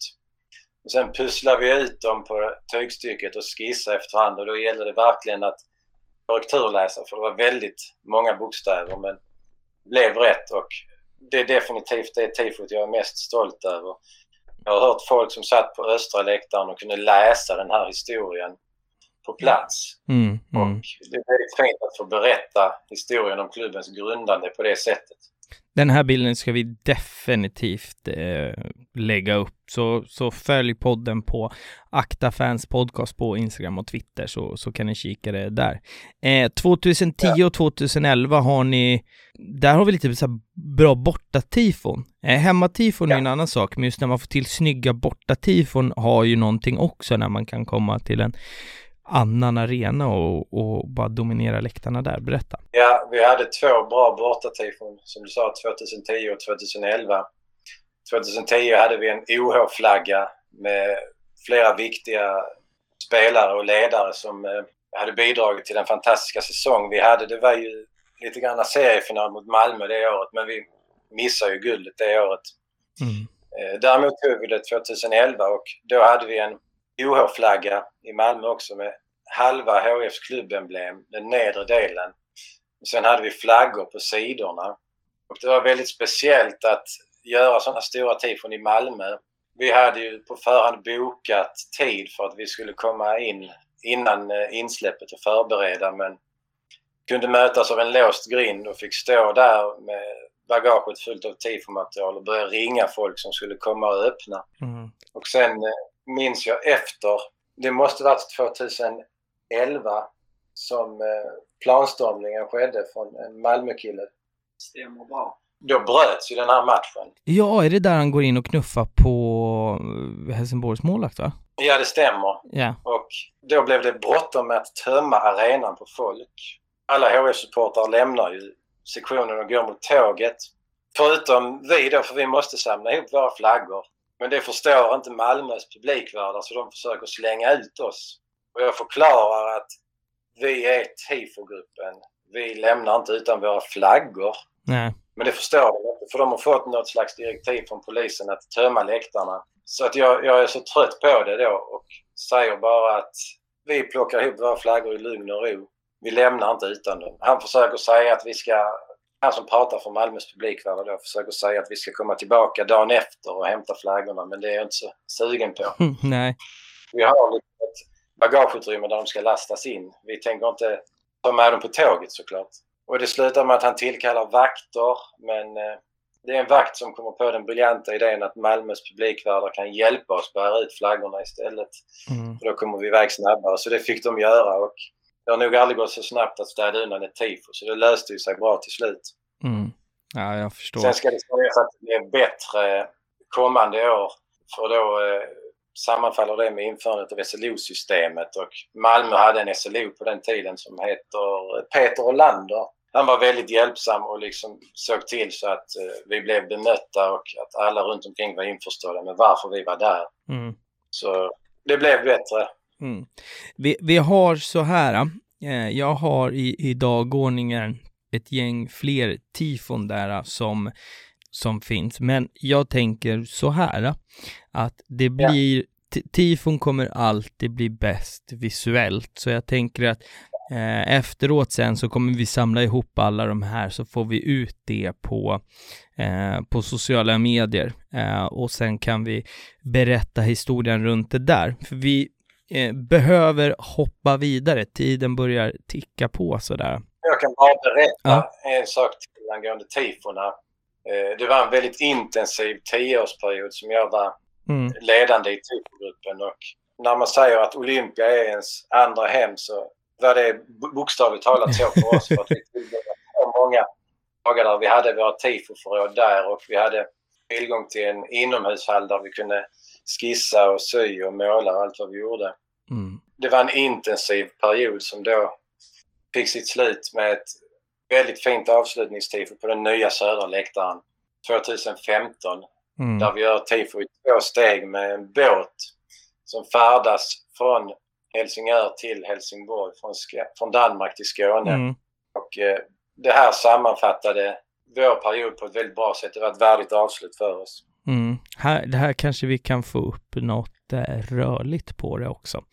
Eh, Ja. Vi ska, ja, vi ser till att- lösa det, eh, kort sagt. Ja. Och jag eh, kan passa på här, eh, och det tror jag att båda ni skriver under på, speciellt du Patrik, att vi får aldrig, oavsett vilken klubb man tillhör, så får vi aldrig sluta och eh, klappa tifo-killar och tjejer på axeln för det arbete de gör. Det är yttersta världsklass i en liga som är så långt ifrån yttersta världsklass som man bara kan komma, men tifo, de, de som jobbar runt tifona är yttersta världsklass och de, de ska vi alltid eh, fortsätta ge cred helt enkelt. Definitivt. Mm. Det är det man tror. Ja, ja verkligen, verkligen. Eh, Vi ska hoppa in på poddens andra segment. Vi ska hoppa in på Away Days. Här har jag så här. Vi har två personer. Vi har Perfect Seasons. Vi har, här tror jag att vi skulle kunna sitta i tre timmar ungefär eh, och bara prata. Jag har snappat upp några och det som ni själva har pinpointat är ju eh, eh mycket Europaresor och sådär. Eh, här vet jag inte vem utav det, eh, det framgår inte i, i pappret som jag har framför mig, men en första Europaresa till Tallinn eh, direkt efter studenten. V- Vem är utav er som har den? Vi är med på den resan båda två men Ja, men då så. jag kan väl berätta om den för det är min första Europaresa. Det kanske är din också David i och för sig. Eh, kan det mycket väl vara. Men Mm. eh, det var direkt efter studenten för mig. Och jag hade sparat en del eh, pengar för att kunna resa. Mm. Eh, medan andra klasskompisar kanske reste på studentresa till Spanien så avstod jag det för att ja, jag åkte till Tallinn istället. Det var en väldigt fin resa uppstyrd av supporterklubben Kärnan. Först buss till Stockholm, båt till Tallinn, en hotellnatt i Tallinn och så samma sak på vägen tillbaka. Och en rolig grej som händer när vi kör in i Stockholm faktiskt är att bussen helt plötsligt stannar för att det är massa poliser runt omkring som har spärrat av vägen. Mhm. Och vi börjar liksom undra, är det här för vår skull? Vi är bara en 50-mannabuss, vad är detta? Men sen förstår vi varför. Det visar sig att det är kungahusets får som är ute och går mitt i Stockholm. Detta David. Ja, jag minns det. De är ute på någon slags parad och då höll vi på att missa båten. Nej, det gjorde vi inte. Vi, vi kom med i god tid, men eh, det var lite surrealistiskt. Välkommen till Stockholm. Ja, när man kommer till huvudstaden så är det en fårparad. Det känns ju så bonnigt så det finns ju inte. Nej, det var en enorm resa till Tallinn. Dels var det ju match nummer två. Vi skulle spela där nere mot Transnava och vi hade ju vunnit ganska enkelt på Olympia så vi skulle ju bara ner där och spela av matchen liksom och ha kul. Så det var ju konstant fest på den båten och eh, jag vet att eh, en del av eh, folket som var med där nere i Tallinn de låg väl nästan och sov på läktaren. Det hade blivit en eh, hård natt. ja. Det ska sägas att matchen skulle egentligen spelas i Narva Ja. som ligger längre in i Estland och det berättades massa skräckhistorier på förhand om att det var Europas HIV-tätaste stad och sådana grejer men deras arena var väl inte godkänd för Uefa-spel så det fick bli Tallinn och Ja, okej. det är vi tacksamma för. ja, jo, men det, det låter eh, fullt, eh, fullt eh, rimligt. Sen har vi en annan match här. Den här har jag varit väldigt intresserad av att få höra eh, på förhand. 2009 är det Europa och då är det, då, då går resan till Sarajevo och eh, ja, det är någonting som händer kvällen innan, ni får plocka tröjor och det, man blir rånad här och ja, det är en väldans massa som händer på den här resan. Berätta. Ja, det stämmer. 2009 har vi eh, Sarajevo FK borta där i dåvarande Europacupen och eh, min kompis får ett samtal kvällen innan vi ska flyga av eh, vår dåvarande klubbdirektör Paul Müllenberg. Eh, Svarker Eliasson hade på en gångs skull missat att ta med rätt tröjor.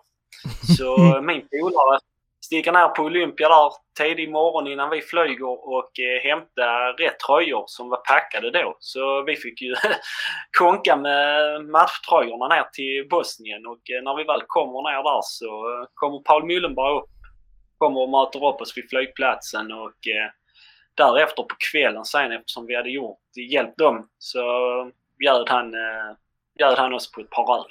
Ja, fint. Eh, Ja, faktiskt. Men sen själva uppladdningen där nere i Sarajevo, den, eh, den gick ganska lugnt tillväga till en början där. Eh, vi satt och drack några öl och vi var inte många så vi höll en ganska låg profil för att åka ner till Sarajevo. Det, det bär respekt med sig och eh, vi bestämde ganska tidigt att vi tar taxi ut till deras arena Mm. Eh, och vi åkte i smågrupper. Jag vet inte om vi var 15-20 stycken. Vi var inte alls många. Men vi åkte i smågrupper ner där.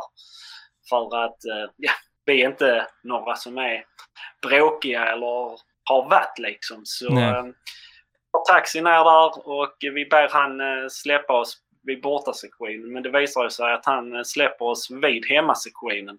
Och där går vi fyra stycken och pratar svenska och sen kommer där ett par från deras ultras och frågar vem vi är. Ja, och vi svarar ja, vi är från Helsingborg. Och eh, då visar det sig att eh, de blir rätt så hotfulla faktiskt. Och eh, av någon jävla anledning så stjäler de min jacka och har den på hemmastationen under hela, hela matchen. Mm -hmm. Men sen har vi en kille som härstammar från Bosnien som bytte nummer med dem efter incidenten. Ja. Så han tar kontakt med dem igen efter matchen. Och eh, ber dem komma och lämna jackan. Och eh, ja, tio minuter, en kvart efter så kommer tre, fyra killar bort till mig igen och eh, lämnar tillbaka jackan som de stal. Och eh, ja, jag tackar ju så hemskt mycket. Men eh, det ska sägas också att vi åkte ur kuppen där, Sarajevo tog sig vidare. Hade det varit tvärtom så vet jag inte var den kvällen hade slutat.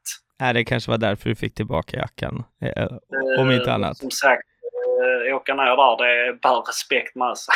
Eh, sen har jag också snappat upp 2011 så har vi kval till Europa League i Tel Aviv i Israel. Berätta om det. Ja, det är Patrik då, det är jag som åkte dit och jag hade planerat sommarsemester den här veckan.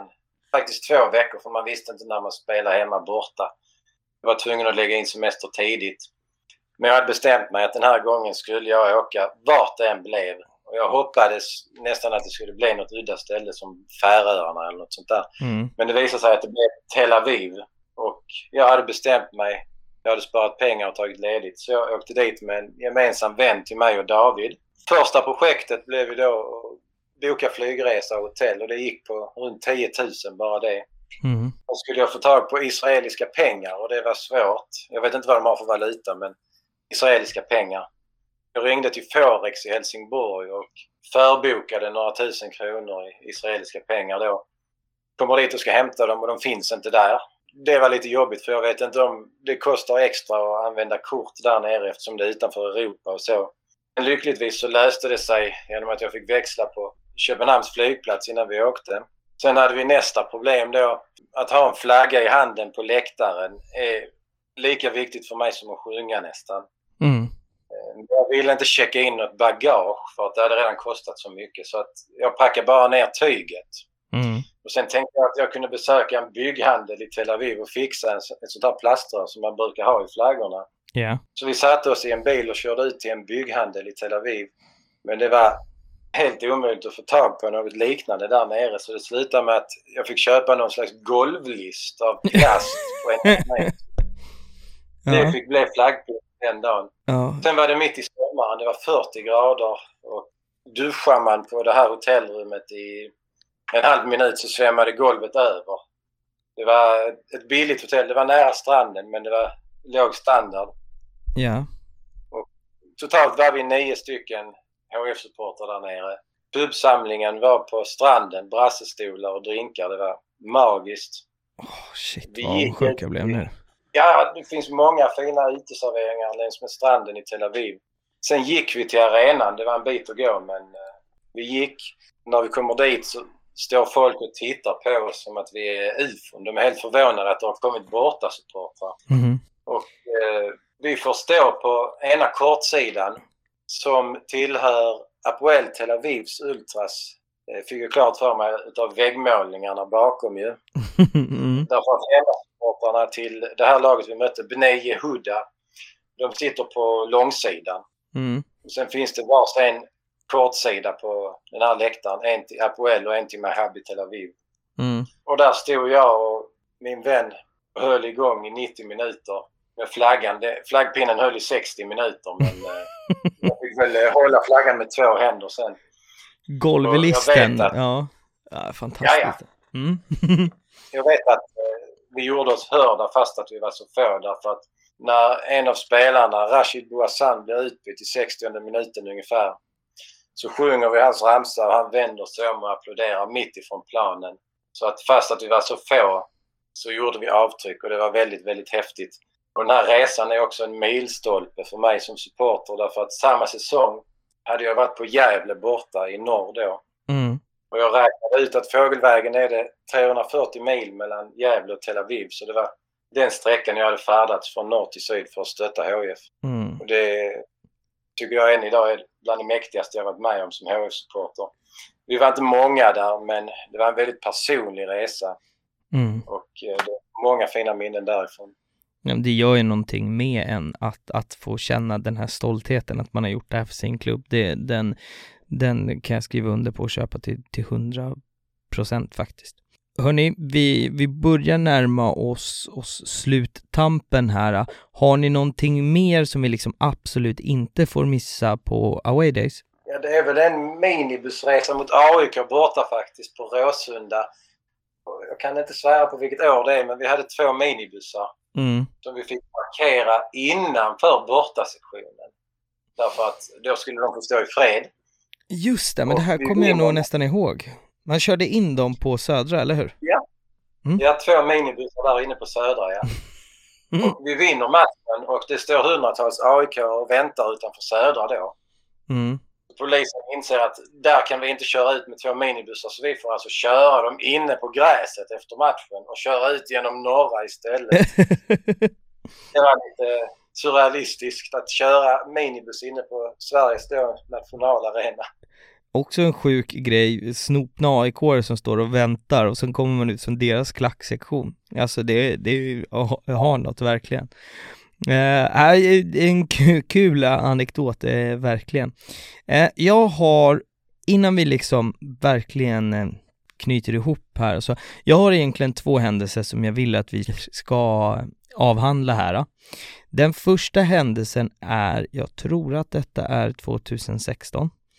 Eh, Henrik Larsson är, han är inte spelare utan han är tränare. Jag tror att Helsingborg åker ut och det kommer in en del eh, supportrar, vad jag kan tänka mig, ultras eller firmagubbar in på planen och ska ta av Jordan Larsson sin matchtröja och det blir ett, ett jävla liv inne på planen och chefstränare Henrik Larsson, tillika största stjärnan i klubben, står och är beredd på att liksom fightas mot de egna supportrarna. En stökig situation. Vad, jag, jag vet att i, ingen utav er två stod med rånarluvor inne på planen, eller jag förutsätter det, men berätta om känslan runt den händelsen och vad det har gjort runt eran, era läktare. Ja, först och främst så är det en tung förlust. Vi åker ur Allsvenskan där. Sen det här efterspelet som du är inne på, varken jag eller Patrik var inne på planen och skulle nog aldrig få tanken till att göra det. Men eh, det är jobbigt att se när eh, vår största ikon ställer sig mot eh, södra ståplats och höjer garden liksom. Och eh, man ser fler och fler springa in på planen. Det var, nej, det var jobbigt. Det var, det var tråkigt. Ja, det var det verkligen. Henrik Larsson var ju verkligen en idol som spelare. Det är synd att han inte lyckades som tränare och det är synd att det fick det här avslutet. Även synd att det blev som det blev med Jordan Larsson. Mm. Eh, Mm. Men eh, besvikelsen var väl helt enkelt så stor hos vissa så att de reagerade på det sättet. Sen vill jag bara lyfta fram att vi får aldrig glömma Henrik Larssons tid som spelare i Helsingborgs IF för han är den främste spelaren vi har haft i Helsingborgs IF.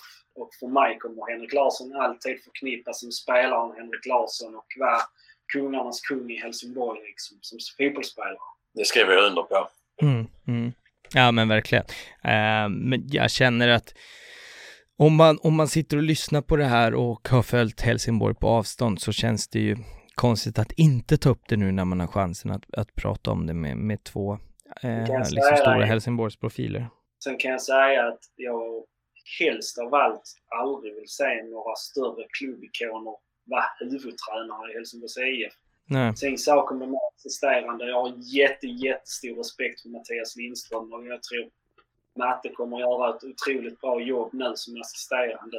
Men jag har väldigt svårt för att se någon klubbikon som typ Alvaro Santos ta över som huvudtränare och manager. För jag vill alltid komma ihåg spelarna.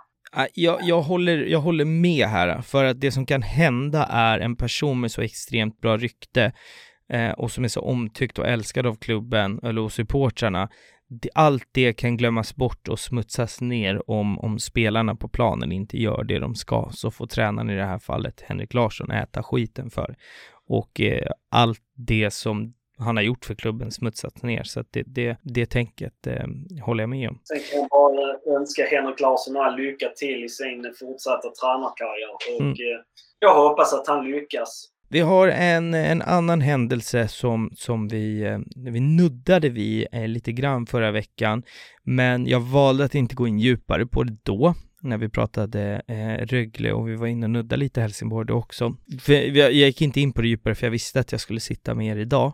2014 så är det väldigt mycket djurgårdare i, eh, i er region egentligen. De spelar mot Rögle på fredagen eh, kan ni höra om i förra veckans avsnitt och sen på söndagen så är det match på Olympia mot Helsingborg. Det som händer innan denna matchen är jag vet inte riktigt, här hör man många olika historier. Jag tycker inte det egentligen hör hit vad som hände och inte hör, alltså vad som hände eller inte hände, det hör egentligen inte hit, utan det, det som tragiskt nog händer är att Djurgårdssupporten eh, med eh, smeknamnet Myggan, han går bort Eh, matchen, Djurgården stormar in på planen, vill avbryta och, och, och så vidare.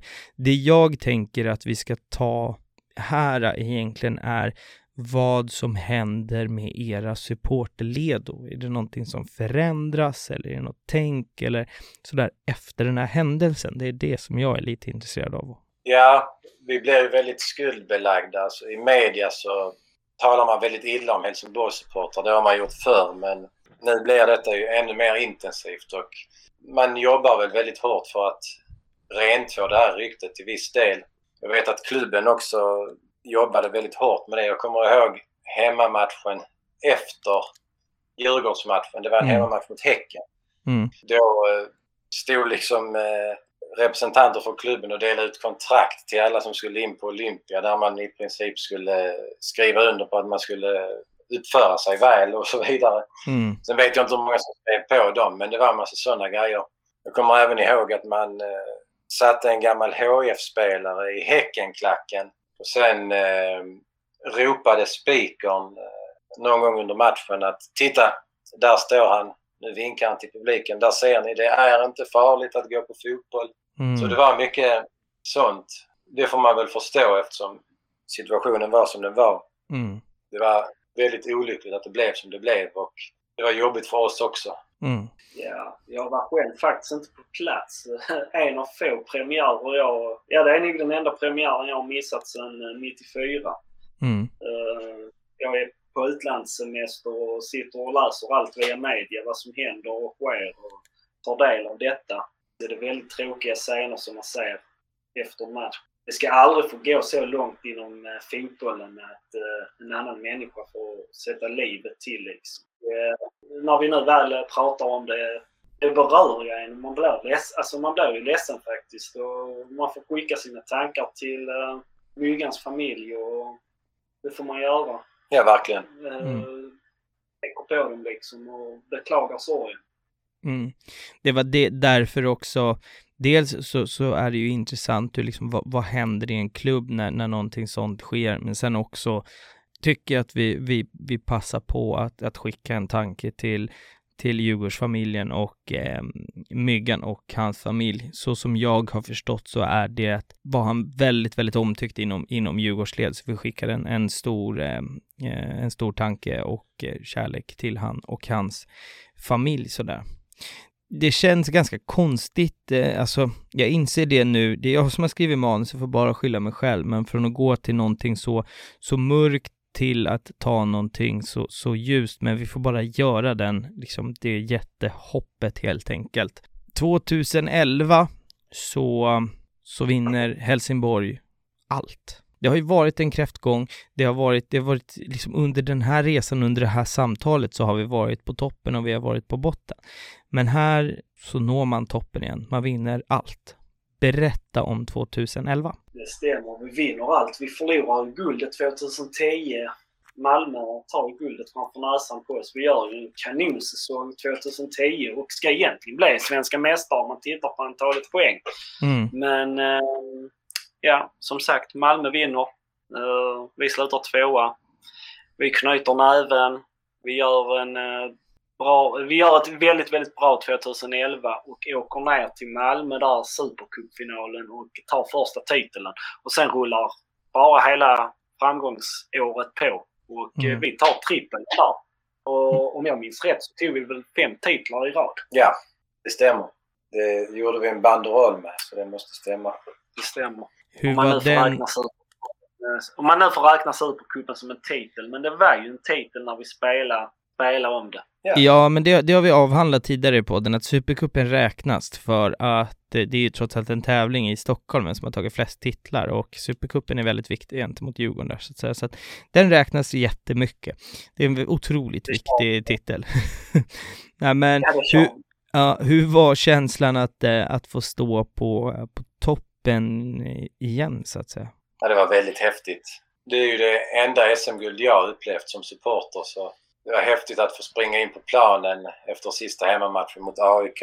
Mm. Då var det redan klart på förhand men det blev en jävla fest inne i centrala Helsingborg där vi firade spelarna vid terrasstrapporna. Mm. Och vi fick festa en gång tidigare när vi säkrade det här. Vi hade spelat bortamatch mot Gais.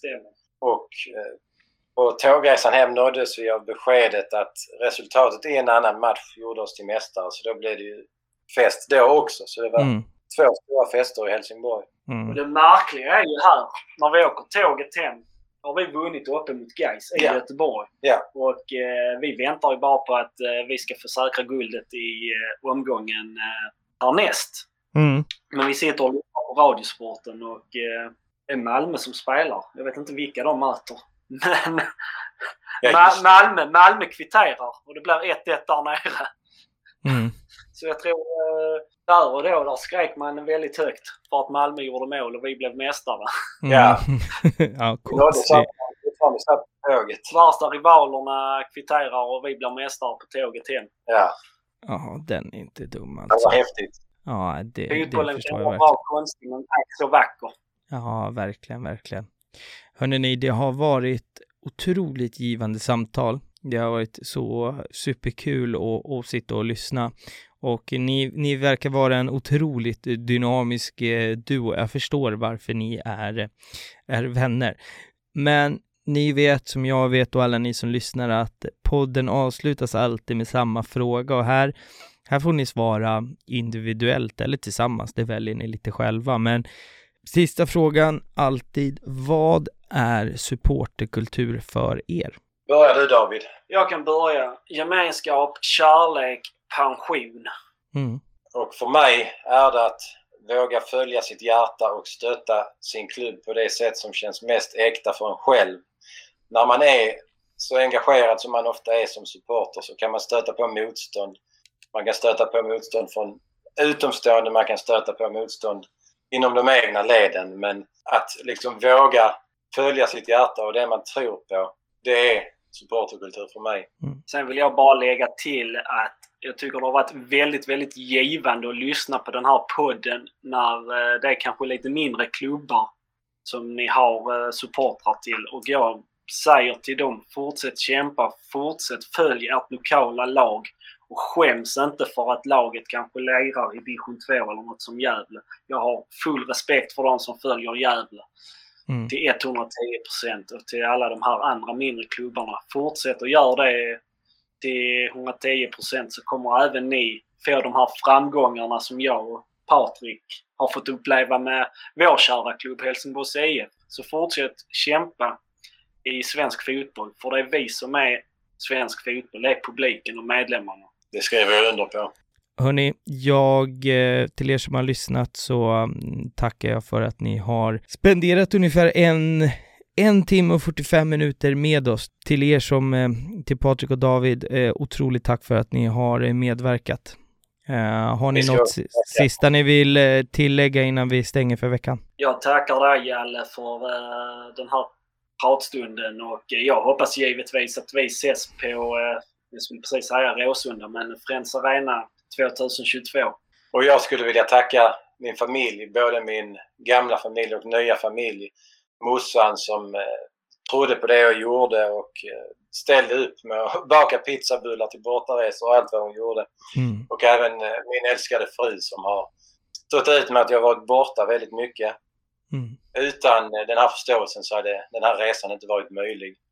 Och även tacka alla vänner som varit med på den här resan. Jag hoppas att vi snart ska kunna mötas på läktaren igen och skapa nya minnen tillsammans. Det hoppas jag också och med det sagt så tackar vi för denna vecka. Så ses vi nästa måndag.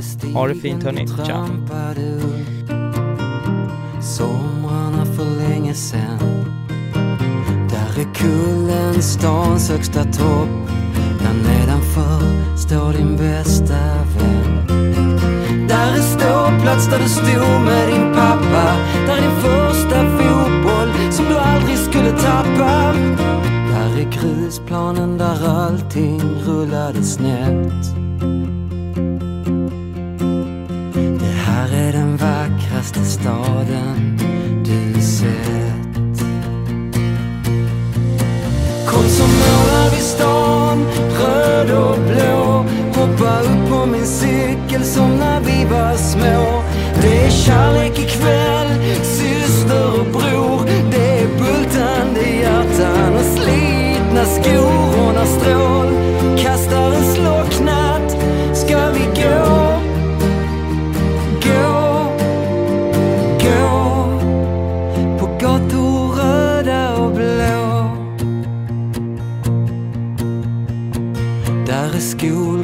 du släpar dig över Där du duckade för hårda ord. Den röda tröjan är allt du behöver. Du somnar med den på ditt nattduksbord. Varje match, varje mål, varje seger är ström i ditt hjärta och du känner att du lever. Allt i balans och rakt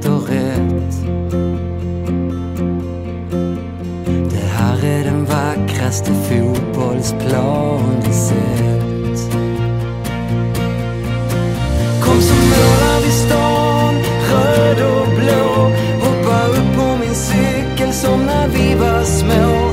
Det är kärlek ikväll, syster och bror. Det är bultande hjärtan och slitna skor. Och när en slott